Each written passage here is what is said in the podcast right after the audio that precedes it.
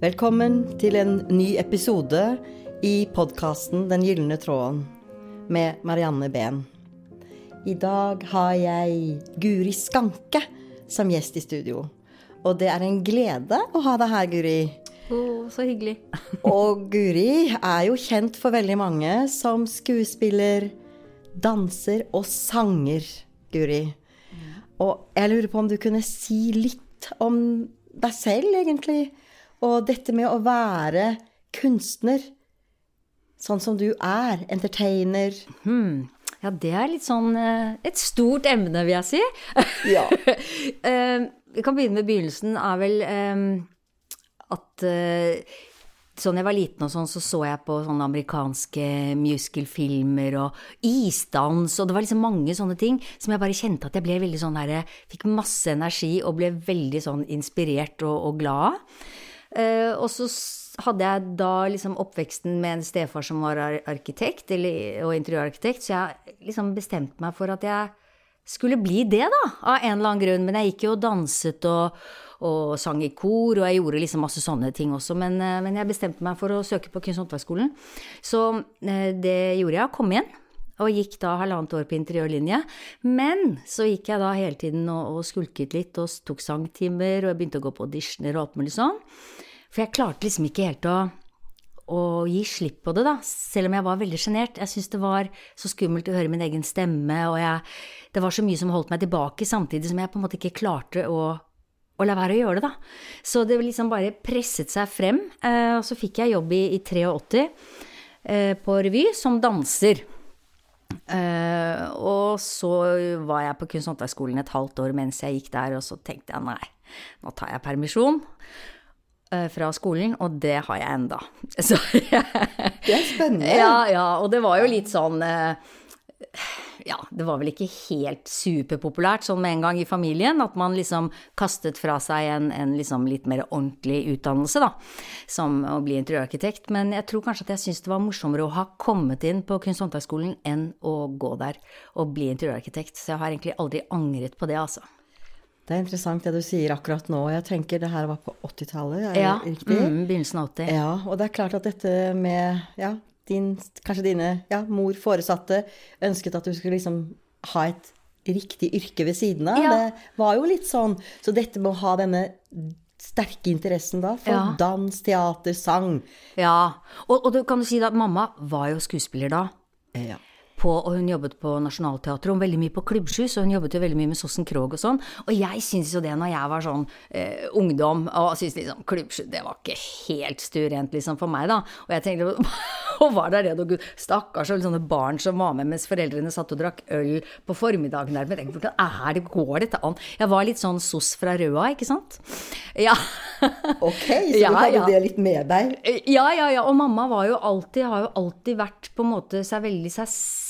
Altså hun har aldri liksom latt seg påvirke av så mye som sikkert jeg gjorde. Jeg var liksom litt sånn jålete, og mamma var egentlig en ganske kul type, da.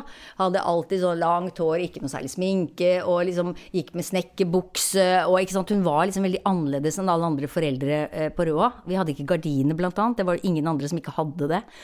Eh, Så, så men allikevel så tenkte jeg sånn hm, ja, nei, jeg skal vel bli interiørarkitekt, eh, og gikk og tegnekurs og malekurs og alt mulig sånt. Så, men, eh, men, men som sagt, det var et eller annet da, som ikke som lot seg stoppe, da, selv om jeg på en måte jeg vet, ikke, jeg, jeg vet ikke helt hvorfor. Det, altså, hva, hva er det for noe som bare drar deg videre? Jeg var med i Russerevyen, og da sang jeg for første gang.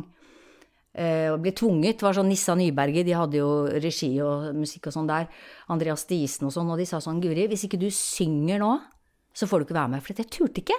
Jeg hadde liksom tre linjer alene hvor jeg skulle synge. Og det, altså, det var liksom dagen før premieren omtrent at jeg turte å, å, å synge. Så, så det har liksom sittet veldig langt inne, da. Det jeg hører når du snakker nå, Guri, er jo at du virkelig har jo et kunstnerisk, kreativt, flere talenter. Og samtidig så har du dette, som du sier, at du var litt sjenert, da, eller litt, Ja. litt usikker på det. Og ja, det er jo litt sånn vi tørre, våge, bjuda på Ja. hele seg. Og bli sett på, ikke minst. Så handlet det litt om det, liksom. Det å bare stå frem.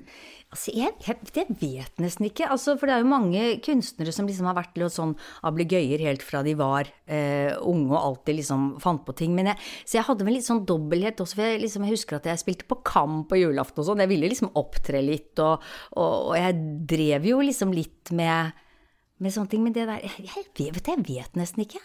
Nei, det, og det er kanskje litt Jeg bare tenkte nå, du, din mamma var ja. skuespiller, ja. og jeg bare fikk et sånt bilde når du delte liksom henne, en sånn flott, ja. sterk kvinne. Ja. Og jeg tenker på dette med kvinner og ja, kvinner i yrker som jo også har dette kreative i seg, da. Ja. At det, det, var jo ikke bare bare før. Og jeg tenker det å ha flere talenter, så skulle man kanskje velge det ene ja.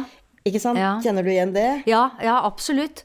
Og, og, mamma hadde vel også hatt en ganske sånn tøff vei eh, med sine foreldre. Å bli skuespiller, det var vel ikke helt Hun skulle egentlig gå på sånn husmorskole og sånn, ikke sant. Det var jo liksom jo. sånn det var det den ja. gangen.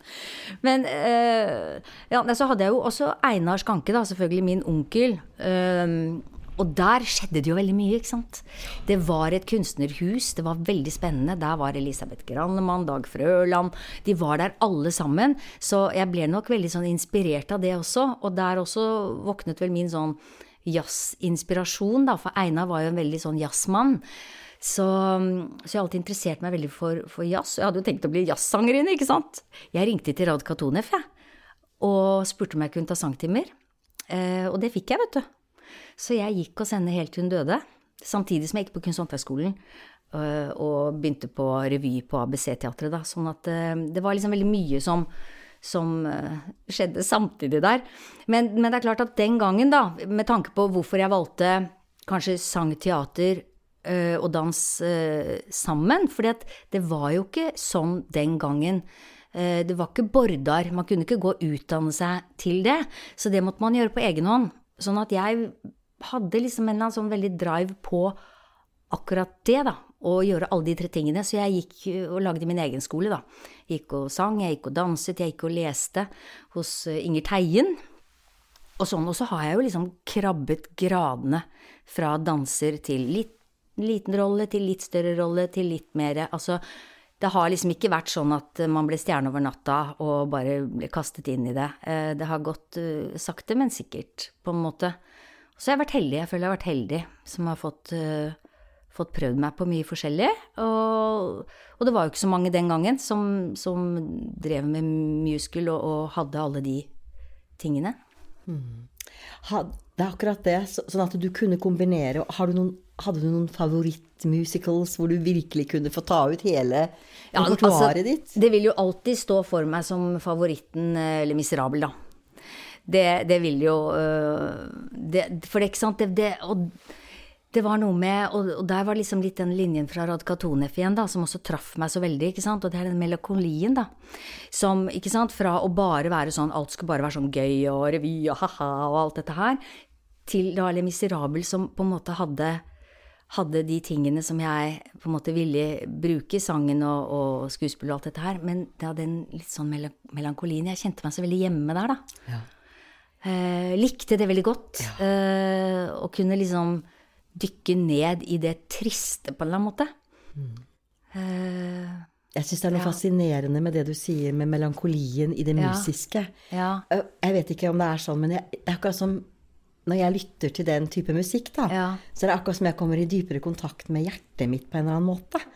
Med, med dybden i meg. Jeg elsker jo det som er muntert og energigivende, men det er noe med det liksom det legger til rette for å komme kanskje mer i kontakt med den indre verden. Jeg vet ikke om du har tenkt over det? Altså, jeg, jeg, si, jeg er liksom Jeg er ikke så god til å liksom eh, På en måte sette de bitene sammen. Jeg på en måte jeg vet ikke, jeg har liksom bare, bare på en måte fly, flytt av gårde på en eller annen måte. Jeg har ikke vært sånn veldig sånn reflektert over det. Jeg tenker sånn, kunne meg reflektere egentlig ikke over noen ting. Jeg bare jo, men det er sånn Når du sier det sånn kontakt med hjertet Men ja, kanskje ubevisst, da. Ikke sant? At det er et eller annet der som, eh, som trigger meg eh, For jeg var jo på alle konsertene til Radka Katonef og sånn, for dette, det bare eh, Jeg bare elsket det, ikke sant. Mm. Um, så jeg har en veldig hang til det, selv om jeg syns det er gøy med det, med det morsomme også. Uh, ja. Og det er jo litt fascinerende, for livet er jo sånn. Det er så stort spenn, Ja. ikke sant. Det er glede, sorg, alle nyanser. Ja. Akkurat som naturen, ikke sant. Med alle disse forskjellige årstidene Mm. som jo som har sin kvalitet. Og sånn også er det vel i det kunstneriske, i, det, Ja i musikken og i menneskene oss generelt, Ja, ikke sant? men så er det så veldig eh, sånn basert på at du får en rolle, da. Ikke sant? Og så må du jo på en måte ta det du får, og så må du gjøre det ut av det, det du har. Sånn at det er liksom ikke sånn at å nei, nå kjenner jeg på det hjertet mitt at nå vil jeg jobbe med det, så nå vil jeg gjøre det videre. Det, ikke sant? Å nei da, så får du plutselig spanske flue, da. Ikke sant? Og så, og så er det Annie Get Your Gun, og så er det ikke sant, det er helt andre ting. Eh, Så, så du er jo prisgitt på en måte, for det første det som er, er, er der ute tilgjengelig, og at du skal passe i rollen. ikke sant? Så det er så mange faktorer som spiller inn, da. Og så må du jo også være god, da. Eller i hvert fall god nok. Ja, det er det. Så, så på en måte vil du si at det er, har vært en, et krevende yrke også? Inspirerende og krevende? Ja, det vil jeg si. eh, veldig inspirerende. Veldig eh, krevende. Og du må jo på en måte ha For jeg har vært frilans hele livet, ikke sant. Jeg har aldri hatt noe sikkerhet. Så du må jo ha en, en veldig drive, da. Du må på en måte eh, ville det ordentlig. Og jeg har jo liksom virkelig sånn gått på, og det var jo på Miserabel blant annet, så fikk jo ikke jeg rollen med en gang. eh, trodde jeg. eh, for jeg fikk beskjed fra Norske Teater om at eh, nei, den fikk jeg ikke.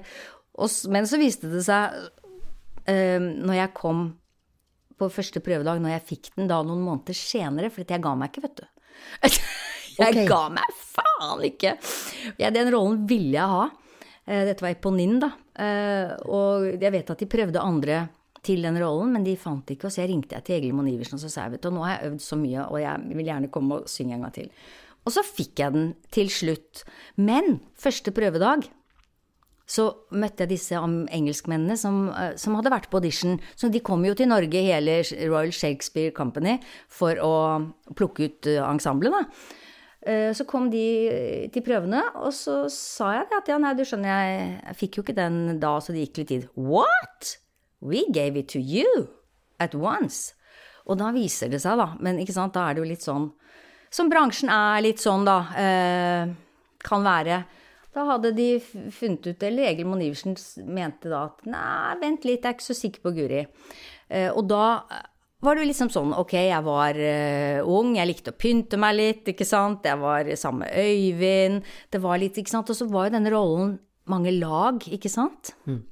Og da den melankolien, og han kunne kanskje ikke se for seg at jeg hadde det nok i meg, da, fordi at man var liksom kanskje en litt sånn vestkantjente, Uh, fra Røa, uh, kjendisaktig, ikke sant? Men der tok han feil, gitt. Det er jo veldig morsomt Ja, å høre den historien. ja. Han tok feil, og, Ja, men, og du det, fikk det, den. det tror jeg han kom tilbake igjen og, og sa, selv om jeg konfronterte han jo aldri med det, men det, det fikk jeg jo høre av disse engelskmennene, da. Så, men da fikk jeg ta meg en ekstra arbeidsrunde eh, på det, og så gikk det bra til slutt, da. Og så hører jeg at du hadde guts nok til å, å gå på. Ja, det er det, ikke sant. Eh, og det var også en sånn veldig sånn dobbelthet, for det var liksom i gamle dager så Gamle dager, har du hørt. 170 år. Ja, så så, så skulle man liksom ikke være så pågående. Nå er jo det sånn man må være, ikke sant? Men den gangen skulle man sitte og vente. Og jeg var ikke sånn. Jeg hadde ikke ro på meg. Jeg var altfor utålmodig eh, og ville altfor mye. Jævlig sterk vilje. Så jeg husker Øyvind var bare litt sånn, min eksmann da, Øyvind Blunk, eh, var litt sånn hm, Altså, du må ikke bare ta det litt med altså, Men nei, jeg tok det ikke med ro. Dette, Det ja. syns jeg er veldig tøft å høre, for jeg tenker akkurat som du sier Du vet, nå er det der eh, amerikanske 'you gotta show up'. Ja. Det er jo begynt å virke, og selvfølgelig i den litt yngre hva skal jeg si, generasjonene Ja, ja. Jeg plukker jo opp det. Men jeg tenker, ja, i å være ja, litt godt voksen, som det går an å si, da, så var jo ikke det noe som var eh, bra å Nei, gjøre. nei, nei. Fordi da, man skulle jo litt sånn janteloven, og må ikke tro. Ja, ja, Men tenk deg så, så mye det har hemmet for Veldig mange, mye. tenker jeg. Ja, for nå må du ut og selge deg. Ja. Men, du ville da, men i gamle dager så ble man liksom sett på en sånn pain in the ass, da. En som maste, ikke sant. Mm. Uh, og slitsomt. Å, herregud, ikke sant. Det er ikke fri å få. Uh, ja.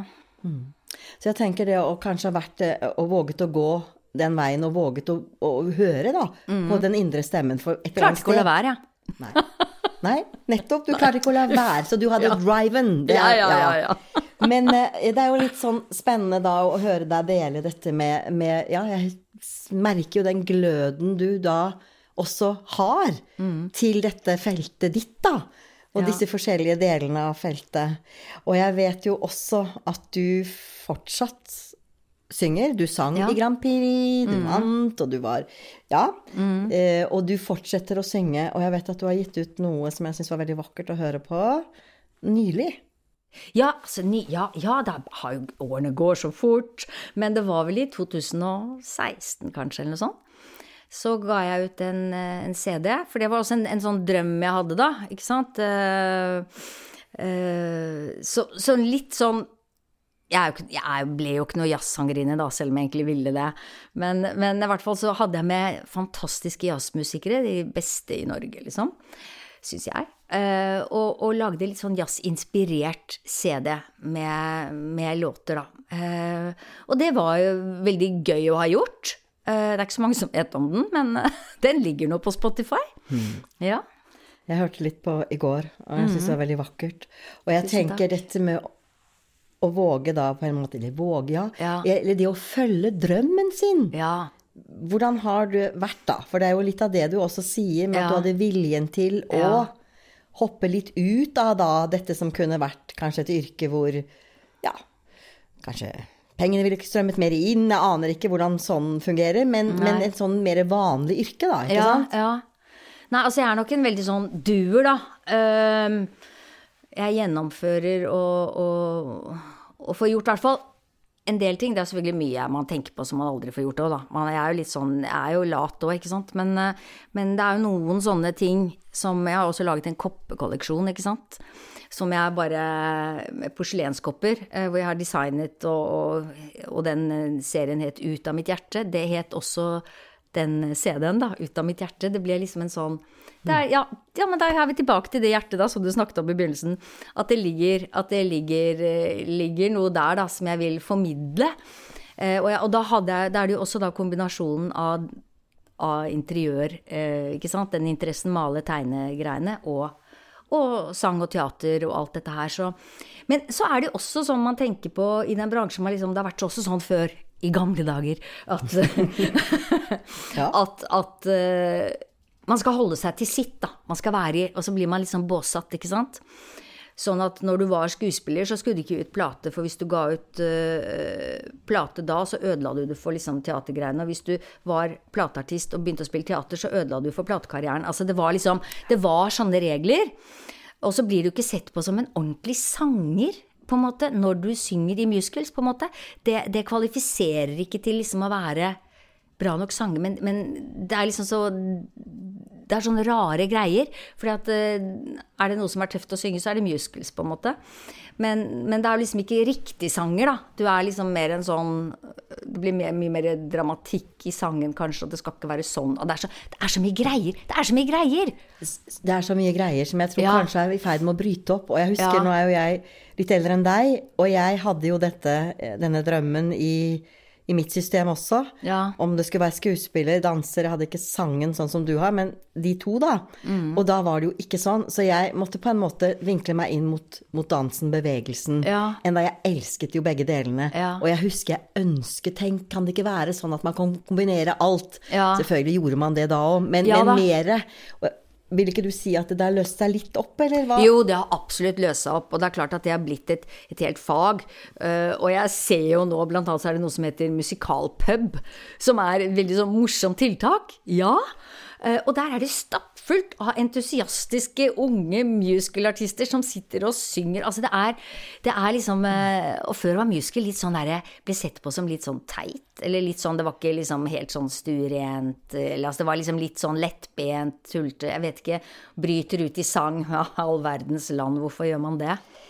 Ja, ikke sant. Eh, men jeg tenker jo, gud, så herlig det er med de forskjellige sjangrene til Ja. forskjellige tider. Altså når Ja. man ønsker å bli litt glad og oppløftet, Ja. og gå på en musical som virkelig bærer en, på en måte. Ja, ja, ja. Ikke sant? Ja. Så det er dette igjen at disse, disse kall det hva du vil, bokseregler, som da har liksom hemmet kanskje mange uttrykk. Ja. Og det er så bra da, og på en måte kanskje sånn som vi gjør nå, drodle litt og se hva de forskjellige tingene betyr. Ja, For en dag så har man behov for noe som tar en liksom litt lenger inn Ja. i seg selv, eller jeg snakker for meg, da. Og andre ganger så trenger jeg det som liksom virkelig løfter og letter. Ja. Og hva musikk er. Det er jo liksom fantastisk. Hva skulle vi gjort uten musikk? Ja, hva skulle vi gjort uten musikk? Ja, hva skulle vi gjort uten kultur og musikk? Ikke sant? Altså, ja, du, du merker liksom, du bare sitter der, og så du kan ha ingen forventninger, eller du liksom tenker å, dette blir kanskje øh, og sånn, og så bare sitter du, så bare skjer det et eller annet. Du kan ikke helt forklare det. Eh, noen ganger så går man ut og bare sånn, åh, gud, så kjedelig. Eh, andre ganger så er det bare sånn, men i alle dager! Og jeg var jo så nå på, jeg nevnte det for deg, jeg var jo så på Sister Act på Chateau Neuf. Eh, Og det tenkte jeg, ja, Sister Act, den filmen har jeg jo sett, og med de nonnene og sånn, hvor gøy kan det være egentlig, liksom? Og så er det bare fra begynnelse til slutt, altså en inspirasjon og en vitaminpille, og jeg bare, tårene bare rant av hvor bra eh, sangen var, og hvordan det treffer, på en måte, og det, altså tonene, de, de, de, de treffer jo. Inni, og du kan liksom ikke, Det er ikke sånn mentalt 'og nå er det fint', for det var det også, selvfølgelig. Men det skjer noe, ikke sant? Det virkelig skjer noe, og jeg tenker at det er akkurat det som da vibrasjon, Ja. det musiske, gjør, Ja. som virkelig kan ja, åpne, åpne for mange flere følelser Ja. i den som Får være med på det, ikke Ja, sant? og det tok meg så mange år. For at, ikke sant, det var sånn, når vi gikk på skoleteater, og, og ikke sant, vi var på Nationaltheatret, og vi så liksom Ibsen og alt mulig sånn, og så hadde jeg alltid en sånn derre liksom, sånn prestasjon på at man skulle på en måte eh, forstå det riktig, eller skjønne det, eller altså mene ikke sant? Eh, om man mente det riktig, eller altså, ikke sant? Men etter hvert så Det tok veldig, veldig mange år før jeg skjønte at det er ikke det det handler om. Det handler om hva det gjør med deg der og da, ikke sant? Hva som treffer deg. Og det er jo akkurat hva, hva man er gjennom i livet for tiden, på en måte, eller hvor man er i livet, da.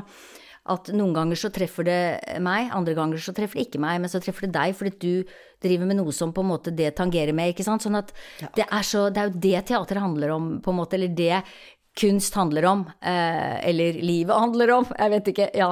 Og, og at kunsten blir en slags sånn hva skal jeg kalle det, en, en eh, ja, portal for Ja, det som trigger, er portal, hva Ja.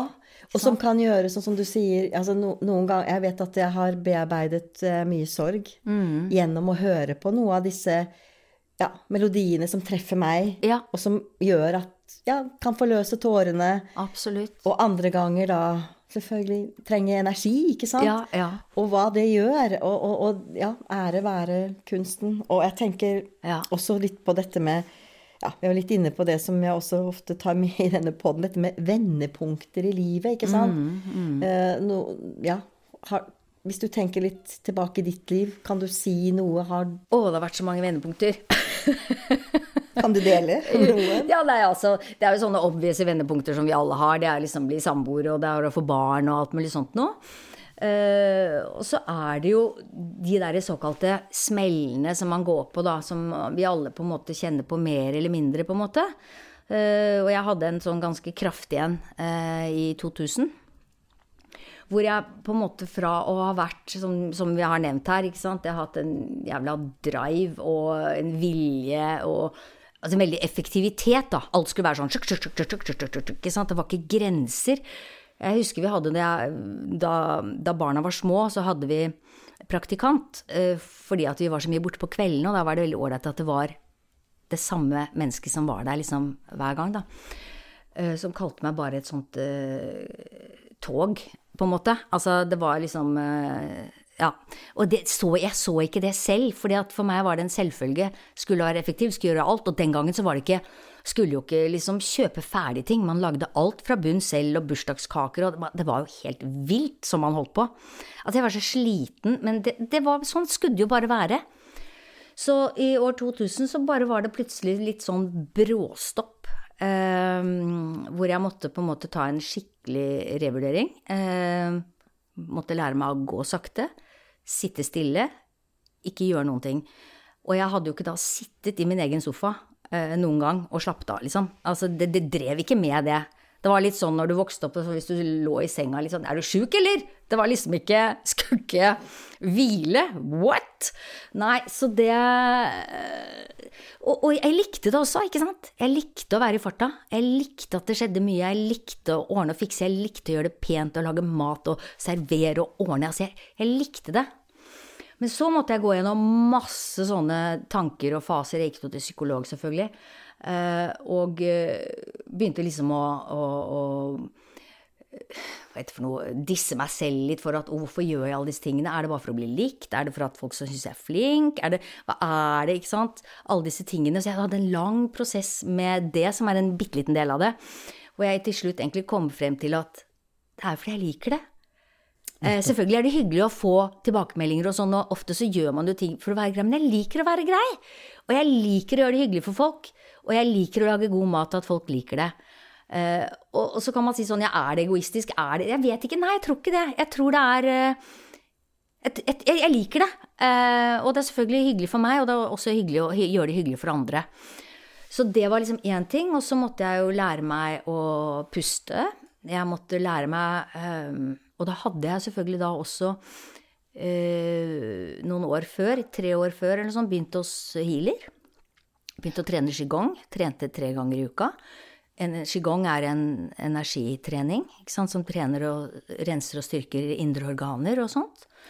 Uh, og det må jeg si at det var et verktøy som var helt fantastisk å ha når man gikk på en smell, på en måte, da. Så det, det, det fikk meg gjennom. Uh, sånn at jeg måtte ta masse pauser. Jeg måtte Jeg var livredd hele tiden. Jeg var bare livredd absolutt hele tiden for å dø, da. Det kan jeg forstå, for det at du ja. vet at når uh, Ja, det å på en måte vært i en verden hvor, uh, hvor ja, kroppen trenger og kan og må ha. Både bevegelse mm. og hvile. Nå snakker liksom med det kroppslige. Mm. Og så når man da forbruker mye, mye energi og ikke mm. henter seg inn igjen, mm. så skjer det jo til slutt en slags oppvåkning eller smell, da. Ja. Det tenker jeg. Så, det er jo ofte en kombinasjon av flere ting, ikke sant. Ja. Det var liksom det var en jobb jeg gjerne ville ha, som jeg ikke fikk på en audition, ikke sant. Og så var det eh, små, små barn, ikke sant. Og jeg var sliten, og jeg strakk meg, strakk meg, strakk meg. Ikke sant. Det er masse ikke sant? Det er jo en, ofte en stor pott, ikke sant, av jeg, ting. Det er akkurat det, og jeg tenker sånn at når man får denne ja, kall det smell eller gå på veggen, hva man måtte kalle ja. det, så er det jo også kroppens måte å si noe må gjøres litt annerledes nå. Ja, ja, ja, klart. Og at man da på en måte må høre på det. Mm. Og det gjorde du, ikke sant? Ja, jeg måtte det. Jeg hadde ikke noe valg. Eh, Nei. Det hadde jeg ikke. Jeg turte ikke noe annet heller. Så det var liksom sånn at eh, jeg, jeg, turte ikke å reise eller dra noe sted. Jeg måtte liksom være i nær sykehus, og jeg hadde masse sånne greier som jeg drev med. Mm. Og, og, satt vel Jeg var sånn eh, ja, turte vel nesten ikke, altså, nesten ikke å puste. Holdt, tror jeg har holdt pusten i mange år omtrent, føler jeg. Det, men det, det, er så, det, er så, grusomt når man er midt inni det, og man vet ikke helt hvordan man skal komme seg ut av det. Men det er jo jeg veldig sta igjen, da, ikke sant. Så jeg ville jo ikke ha noe medisiner, jeg ville ikke ha noe piller. Jeg, liksom, jeg, jeg skulle klare alt selv, og jeg fløy jo fra det ene til det andre. Jeg, har vel brukt så mye penger på alternativ behandling som det går an. Men det er klart at da finner du ut, og det, det gjør man jo når man mm. blir eh, desperat nok, så, så, så, søker man alt der ute. Og det er lett å si at uh, ikke gjør det, og det er så mye humbug og sånn. Ja, det er greit, det, men uh, når du står der, så, så, så, leter du. Og så finner du kanskje noen små gullkorn uh, av og til, da. Det tenker jeg også, og jeg tenker at dette med Ja, det er jo selvfølgelig mitt fag også, dette med komplementærmedisin, og det er ikke tvil om at innenfor denne såkalte alternativbevegelsen, hva nå det måtte bety ja. med stort, så er det klart at det fins Man kan finne nøkler, og nøkler som passer akkurat for en selv. Ja, ja. Der og da, og som man kan ta med videre, som kan bygge en opp igjen. Når systemet på en måte har nesten brutt sammen helt, så mm. får man disse nøklene som man kan bygge seg opp igjen på forskjellige måter. Enten det er eh, si, mat, selvfølgelig, som er næring. Mm, mm. Eller at man da naturen som næring, eller ja. kunsten som næring. Og så tror jeg kanskje, i hvert fall sånn som jeg kjenner på, at, at den takknemligheten for at faktisk kroppen kan respondere når man finner disse nøklene. Ja da. Har ikke du opplevd det også? Jo, jo, altså jeg, jeg har jo også det er jo et annet vendepunkt, på en måte, som er eh, masse å ta her. Ja. Bra. ja. Eh, sånn, det har jo vært et par brudd også da mellom dette her. Men, men, eh, men jeg har liksom helt fra tidlig av holdt på med den maten.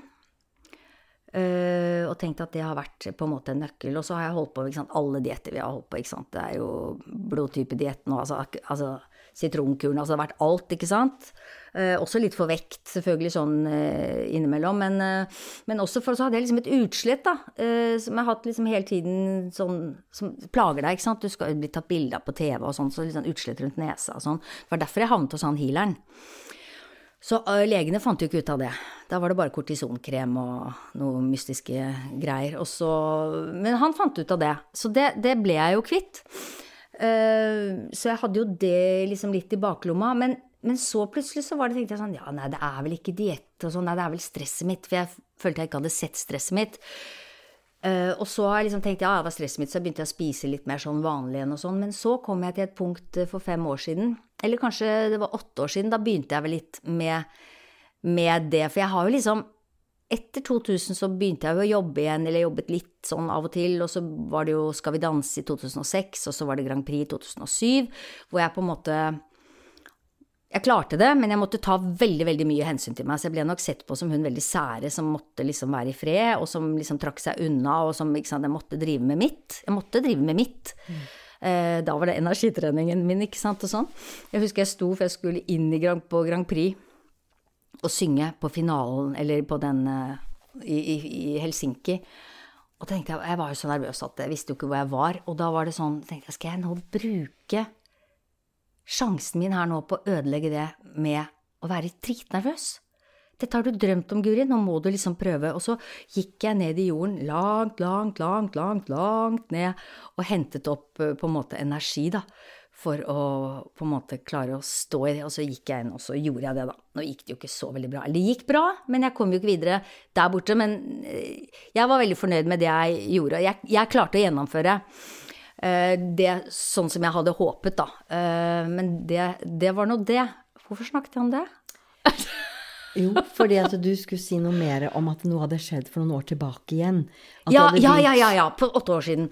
Så har jeg jo på en måte selv om jeg har klart meg bra sånn sett, så har jeg alltid måttet ta hensyn, da, siden det. Mm. Jeg har måttet ha det hele tiden i bakhodet, måttet hvile mellom ting mye mer. Eh, og har lært meg å sitte i sofaen min og alt dette her, og også være litt mer eh, gjerrig på tiden min, da. Måtte, eh, bli mye flinkere til å si nei. Ble litt sånn litt vel streng en periode, på en måte. Eh, fordi at man må være litt streng for å klare eh, å stå i det også, fordi at det er eh, ja, det er mye som blir krevet av deg i et samfunn, eller man føler det selv, i hvert fall. Um, uh, og så begynte jeg vel med litt den dietten igjen, da. Og så begynte jeg å kutte ut liksom melkeprodukter og gluten og litt sånn i tre år, og sukker og sånn. Og så var jeg fremdeles ganske sliten, altså, for fem år siden. Da var jeg liksom litt sånn Men litt på en annen måte. Det var ikke sånn at jeg hadde, jeg hadde ikke angst og, og, sånne ting, men jeg bare var liksom bare trøtt. Eller ville hvile og liksom litt sånn rant av øynene og litt sånn tung i hodet og, og, og bare liksom følte at hæ, dette er ikke bra, liksom. Og da dukket det opp en Og da var vi tilbake til den dietten igjen, da. Uh, så da var det sånn Ok, det er dietten, ja. Men det er selvfølgelig stresset også. Men det er kombinasjonen av de to. Det er like viktig, på en måte, da. Og det tenker jeg er så bra at du deler, for ja. det tenker jeg òg. Ja. Jeg tenker at det går hånd i hanske. Det gjør det. Mm.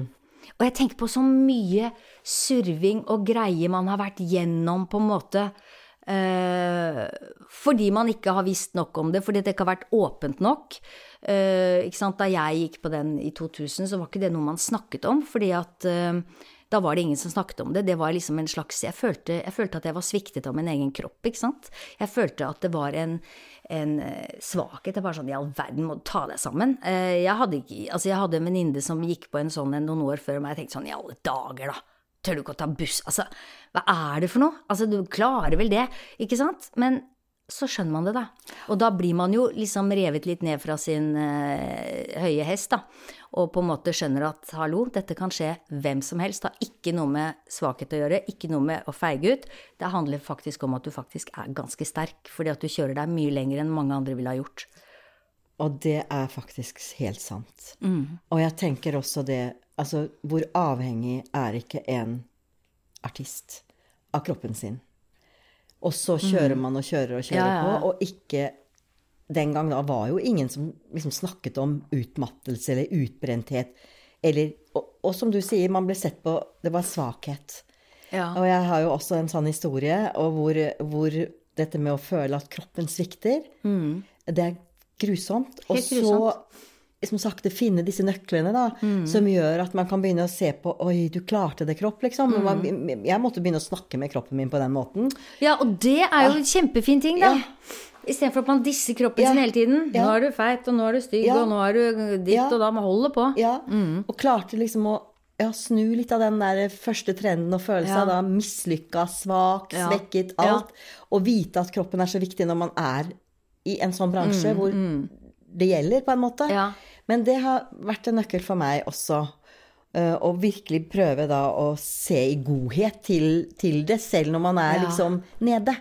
Ja, og det skulle jeg gjerne ha gjort. Men det klarte jeg ikke. Eller Men det nå- visste ja. Jo, jeg er ikke så god på det enda, på en måte, men, eh, men eh, jeg vet at det er viktig, så jeg må, jeg må, må prøve det. Men jeg forstår det mye mer.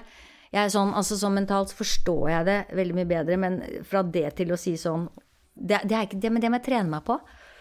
Ikke sant? Det, Fordi ja. jeg måtte lære av en, en, en venninne Ja. som hadde det hele tiden. Hun kunne Ja. si sånne ting. Og jeg tenkte bare herregud, liksom. Men så skjønte jeg det, eller klarte noe. Så, Ja. så, så når det butter Det kan jo røyne på noen ganger når det virkelig butter, men, men det har vært en, en nøkkel eller noe jeg kan ta med meg videre. Ja. Og jeg vet ikke, vi har jo dette med denne gylne tråden som er sånn ja, ja, ja. Og ja, det er jo, det er jo litt et, et abstrakt kanskje begrep, men jeg tenker sånn Jeg tror kanskje at det fins disse gylne trådene. Hva mener jeg med det, akkurat det?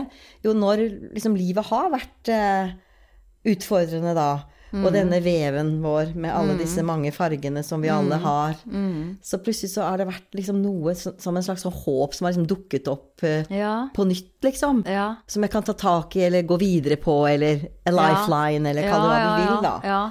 Og at eh, ja, kanskje du har noen sånne tanker om det. Jeg vet ikke. Ja, nei, altså, som sagt så har jo ikke jeg vært så veldig god til å reflektere. Og jeg bare sånn, jeg ser på noen sånne ungdommer nå som snakker et bare sånn I alle dager! Så kloke alle disse menneskene er. Hvordan klarer de å se disse sammenhengene? Og, altså, jeg har verdensland, jeg føler meg altså som jeg er verdens dummeste menneske. Eh, altså, det er, er veldig fantastisk å se eh, hvor intelligent Eller altså hva, Jeg vet ikke hva det er, men de, ser liksom en sånn, sånn sammenheng. Altså, jeg ikke no, har ikke vært noe god på det. Eh, men når du sier det sånn nå, når du sier det, så kan det hende kanskje at jeg liksom klarer å se det litt, da, når, du, når noen andre sier det. For at jeg, jeg ser ikke hele min egen helhet, for man er så inne i sine egne ting. Jeg syns det er så mye å, å, å jobbe med hele tiden, på en måte. Eh, men, men det er jo da den vanvittige driven min, da, på en måte, eh, og viljen, som også da er det stresset som på en måte har vært Jeg vet ikke om den er så veldig gyllen, den linjen, men den, er, den har jo vært både på godt og vondt, da. Ja. Ikke sant? Uh, og det er jo den som på en måte har fått meg ut av, uh, av driten, og også fått meg opp i gleden, på en måte. Uh, så mm, Ja. Og det tenker jeg Altså, jeg vet ikke, men når du deler det nå, så tenker jeg det å ikke gi opp. Ja, ja. Eh, Nei, ikke sant? Gjør Ikke det. gi opp. Nei. At den, den, ja, den driven, da. Denne Ja. viljen som nesten Jeg tenker nesten Ja. sånn på vilje som en tråd, jeg. Nesten. Ja, ja, det er det. Ikke sant? Og nysgjerrighet også, da. Ja. For jeg er så nysgjerrig på Jeg er, helt, altså jeg er ustoppelig nysgjerrig på hvorfor. Altså jeg, jeg, jeg har lett og lett og lett Hva? Hvorfor skjer det? Hvorfor skjer det? Hvorfor skjer det? Og det er jo nesten uforklarlig, for at kroppen er jo et eh, univers, mysterium, vi på en måte ikke Altså, vi vet bitte lite grann, ikke sant? Men så Og da blir jo jeg eh, Selvfølgelig kan folk si 'gud a meg, er det klikka for henne'? Eh, det kan jo hende at det har. Nei, det har ikke det. Men Det i hvert fall så er jeg altfor nysgjerrig. eh, Og interessert da, i, i, i helse og kropp. For vi vet jo, har vi ikke det, så har vi jo på en måte ingenting. Og når du har kjent litt på det, så, så tuller du ikke med det, på en måte. Og så er det jo noen som selvfølgelig leter mer enn andre. Noen som resignerer kanskje, noen som vil ta medisiner og ikke vil ta den der kampen, og det er helt i orden. Alt er jo hva man vil, men det klarer ikke jeg å la være å gjøre, da. Og kunne finne ut mest mulig. Så for fem år siden, jeg var og sang i et bryllup nede i Spania, var ganske sliten. Uh, møtte en jente som sa du, du må prøve sånn stangsellerijus. Du må følge en som heter Anthony Williams. Og jeg bare rett hjem, inn på det, begynte å lese om han og tenkte bare sånn Neimen, nå skjønner jeg jo alt. Da bare var det Altså Da, da, da forsto jeg hvorfor jeg har slitt med det jeg har slitt med liksom gjennom livet som en slags gyllen eller en slags sort tråd ja, den, den, var ikke så gyllen, da, den tråden. Men at, at, at jeg har liksom ligget sånn og sluret, da. Uh, og da kan vi jo gå inn på det, men det bør vi kanskje ikke gjøre. Men, altså, nei, men det, det, da, da, er det liksom noe ting med noe uh, virus og noe ting som man har fått, uh, kyssesyken og sånne ting som kan liksom følge deg gjennom livet og ligge der som en slags sånn Som ligger der bare og venter på a rainy day. Mm. Og så kommer de rainy mm. dayene, og de kommer jo. Så blir du på en måte litt sånn svekket, og så kan de det viruset på en måte begynne å overta. Nå blir det litt sånn teknisk her. Men i hvert fall, poenget er da å legge om legge om eh, dietten, da. Mm. Så det gjorde jeg. Og det at det virket så bra for deg, syns jeg er så utrolig fint å ja. høre. Og jeg tenker jo akkurat det der med det Ja, vi skal ikke gå som sagt dypt inn på det, men det er jo slik det faktisk er. Og jeg tror jo at eh, instrumentene har blitt bedre og bedre, og forskningen har blitt ja. bedre og bedre, så ja, man kan forstå mye mer av det som ikke ble forstått. Det har vært en av mine biter også. Jeg skjønte mm. noe om mitt eget system. Mm. Apropos det med mononukleose, bla, bla. Kyssesyken, ja. Kyssesyken, som man sier populært. Og hva det gjorde. Og det har jo vært en del av det som jeg også har jobbet mye med i det terapeutiske, både ja. selvfølgelig i eget, men også andres liv. Mm. Men det at liksom forskningen også sakte, men sikkert kommer jo til noe av det samme ja, for nå har det jo kommet ja. Nå har de jo funnet ut det at korona blant exactly. kan eh, reaktivere yes. kyssesyken-viruset, ja. Epstein-Barr-viruset. Ja. Så den ligger da bare og hviler i kroppen vår et eller annet sted Som... og venter på et eller annet. Som jeg sa helt mm. altså Jeg var vel 18 år da jeg begynte å si det til legene. Etter ja. jeg har kjent dette her, sier jeg det er noe som har skjedd med meg. Og de var jo like ja. måpende og trodde jeg hadde Apropos, hun vet jo altså, hva er det med henne?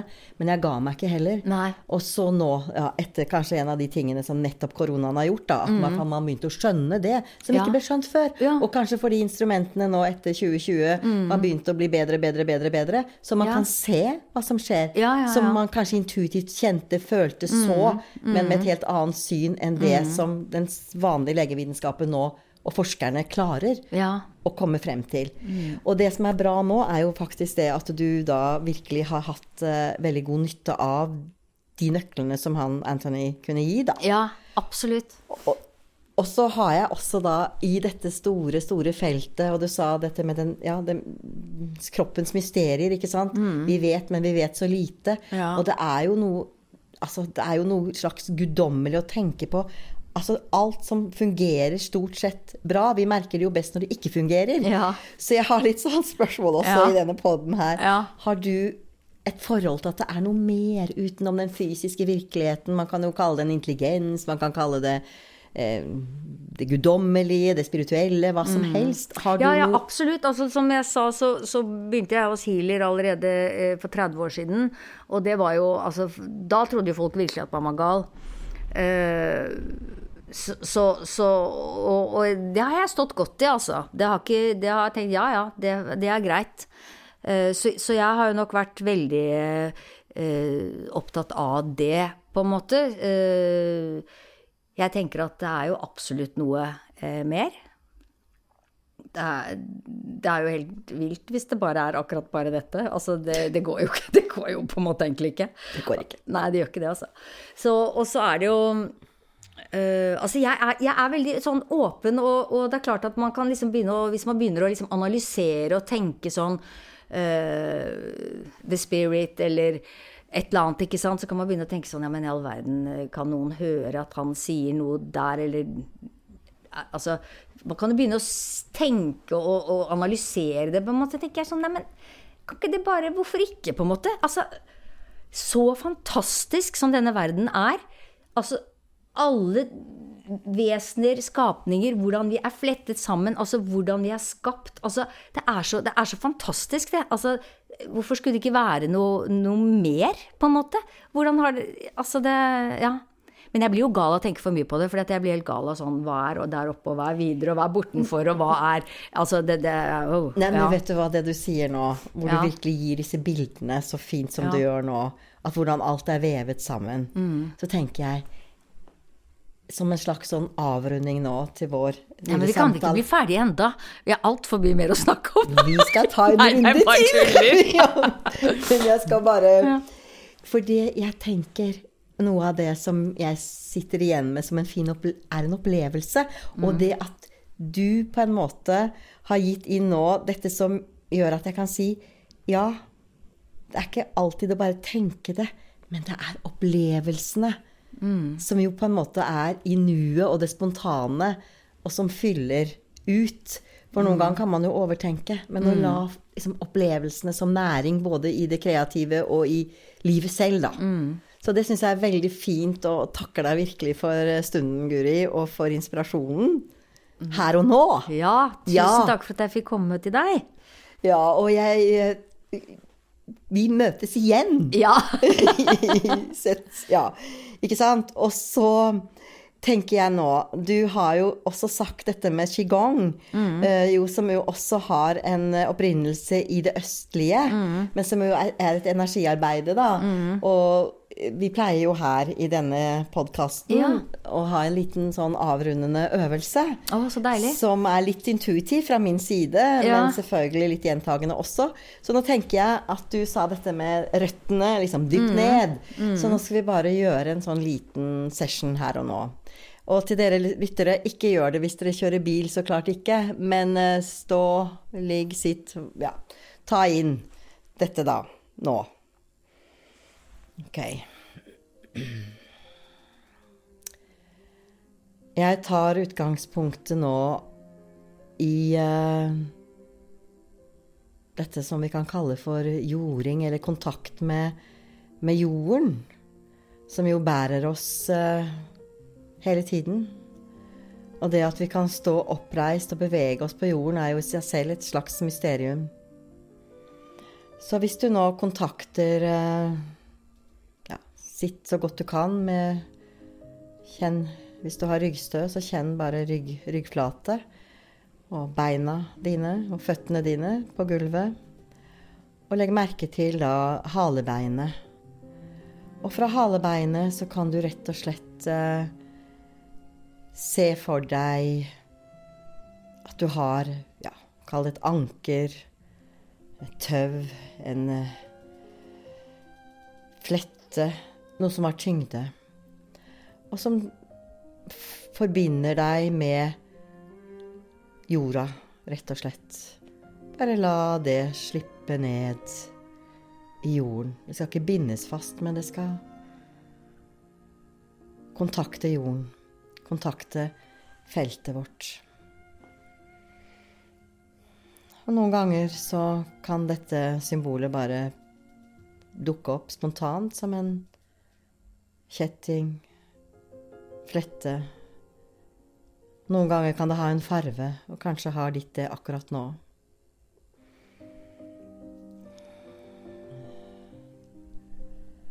Og så kan du se for deg at du nå kontakter eh, hjertet, hjerteområdet ditt, ved å legge en hånd over brystkassen. Og bare la hånden få hvile i eh, området over hjertet.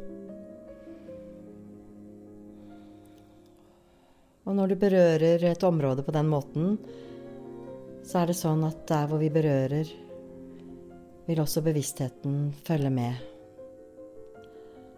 Og det kan være en liten, enkel måte å få kontakt med deg selv her og nå. Og det er også en måte å stresse ned på. Og hvis du gir deg selv et par minutter bare med å gi litt slipp på det som nå kanskje pågår i deg, og bare kjenne hvor godt det er å holde hånden over brystkassen.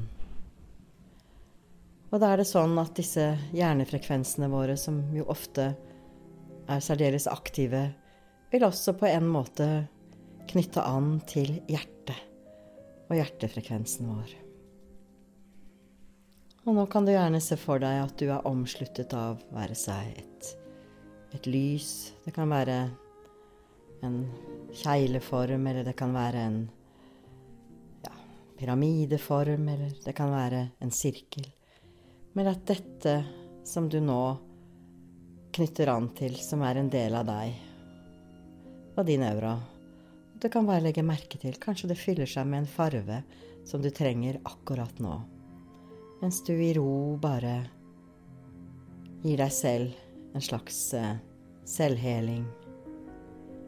For når du berører nervesansesystemet, så vil også det gi signaler gjennom nervesystemet til hjernen som frigjør det som kalles for oksytocin, et hormon som virker beroligende. Og også kalt kjærlighetshormonet. Og med dette så takker jeg for stunden med dere lyttere, og det har vært en glede, som sagt, å ha deg, Guri, som gjest i dag.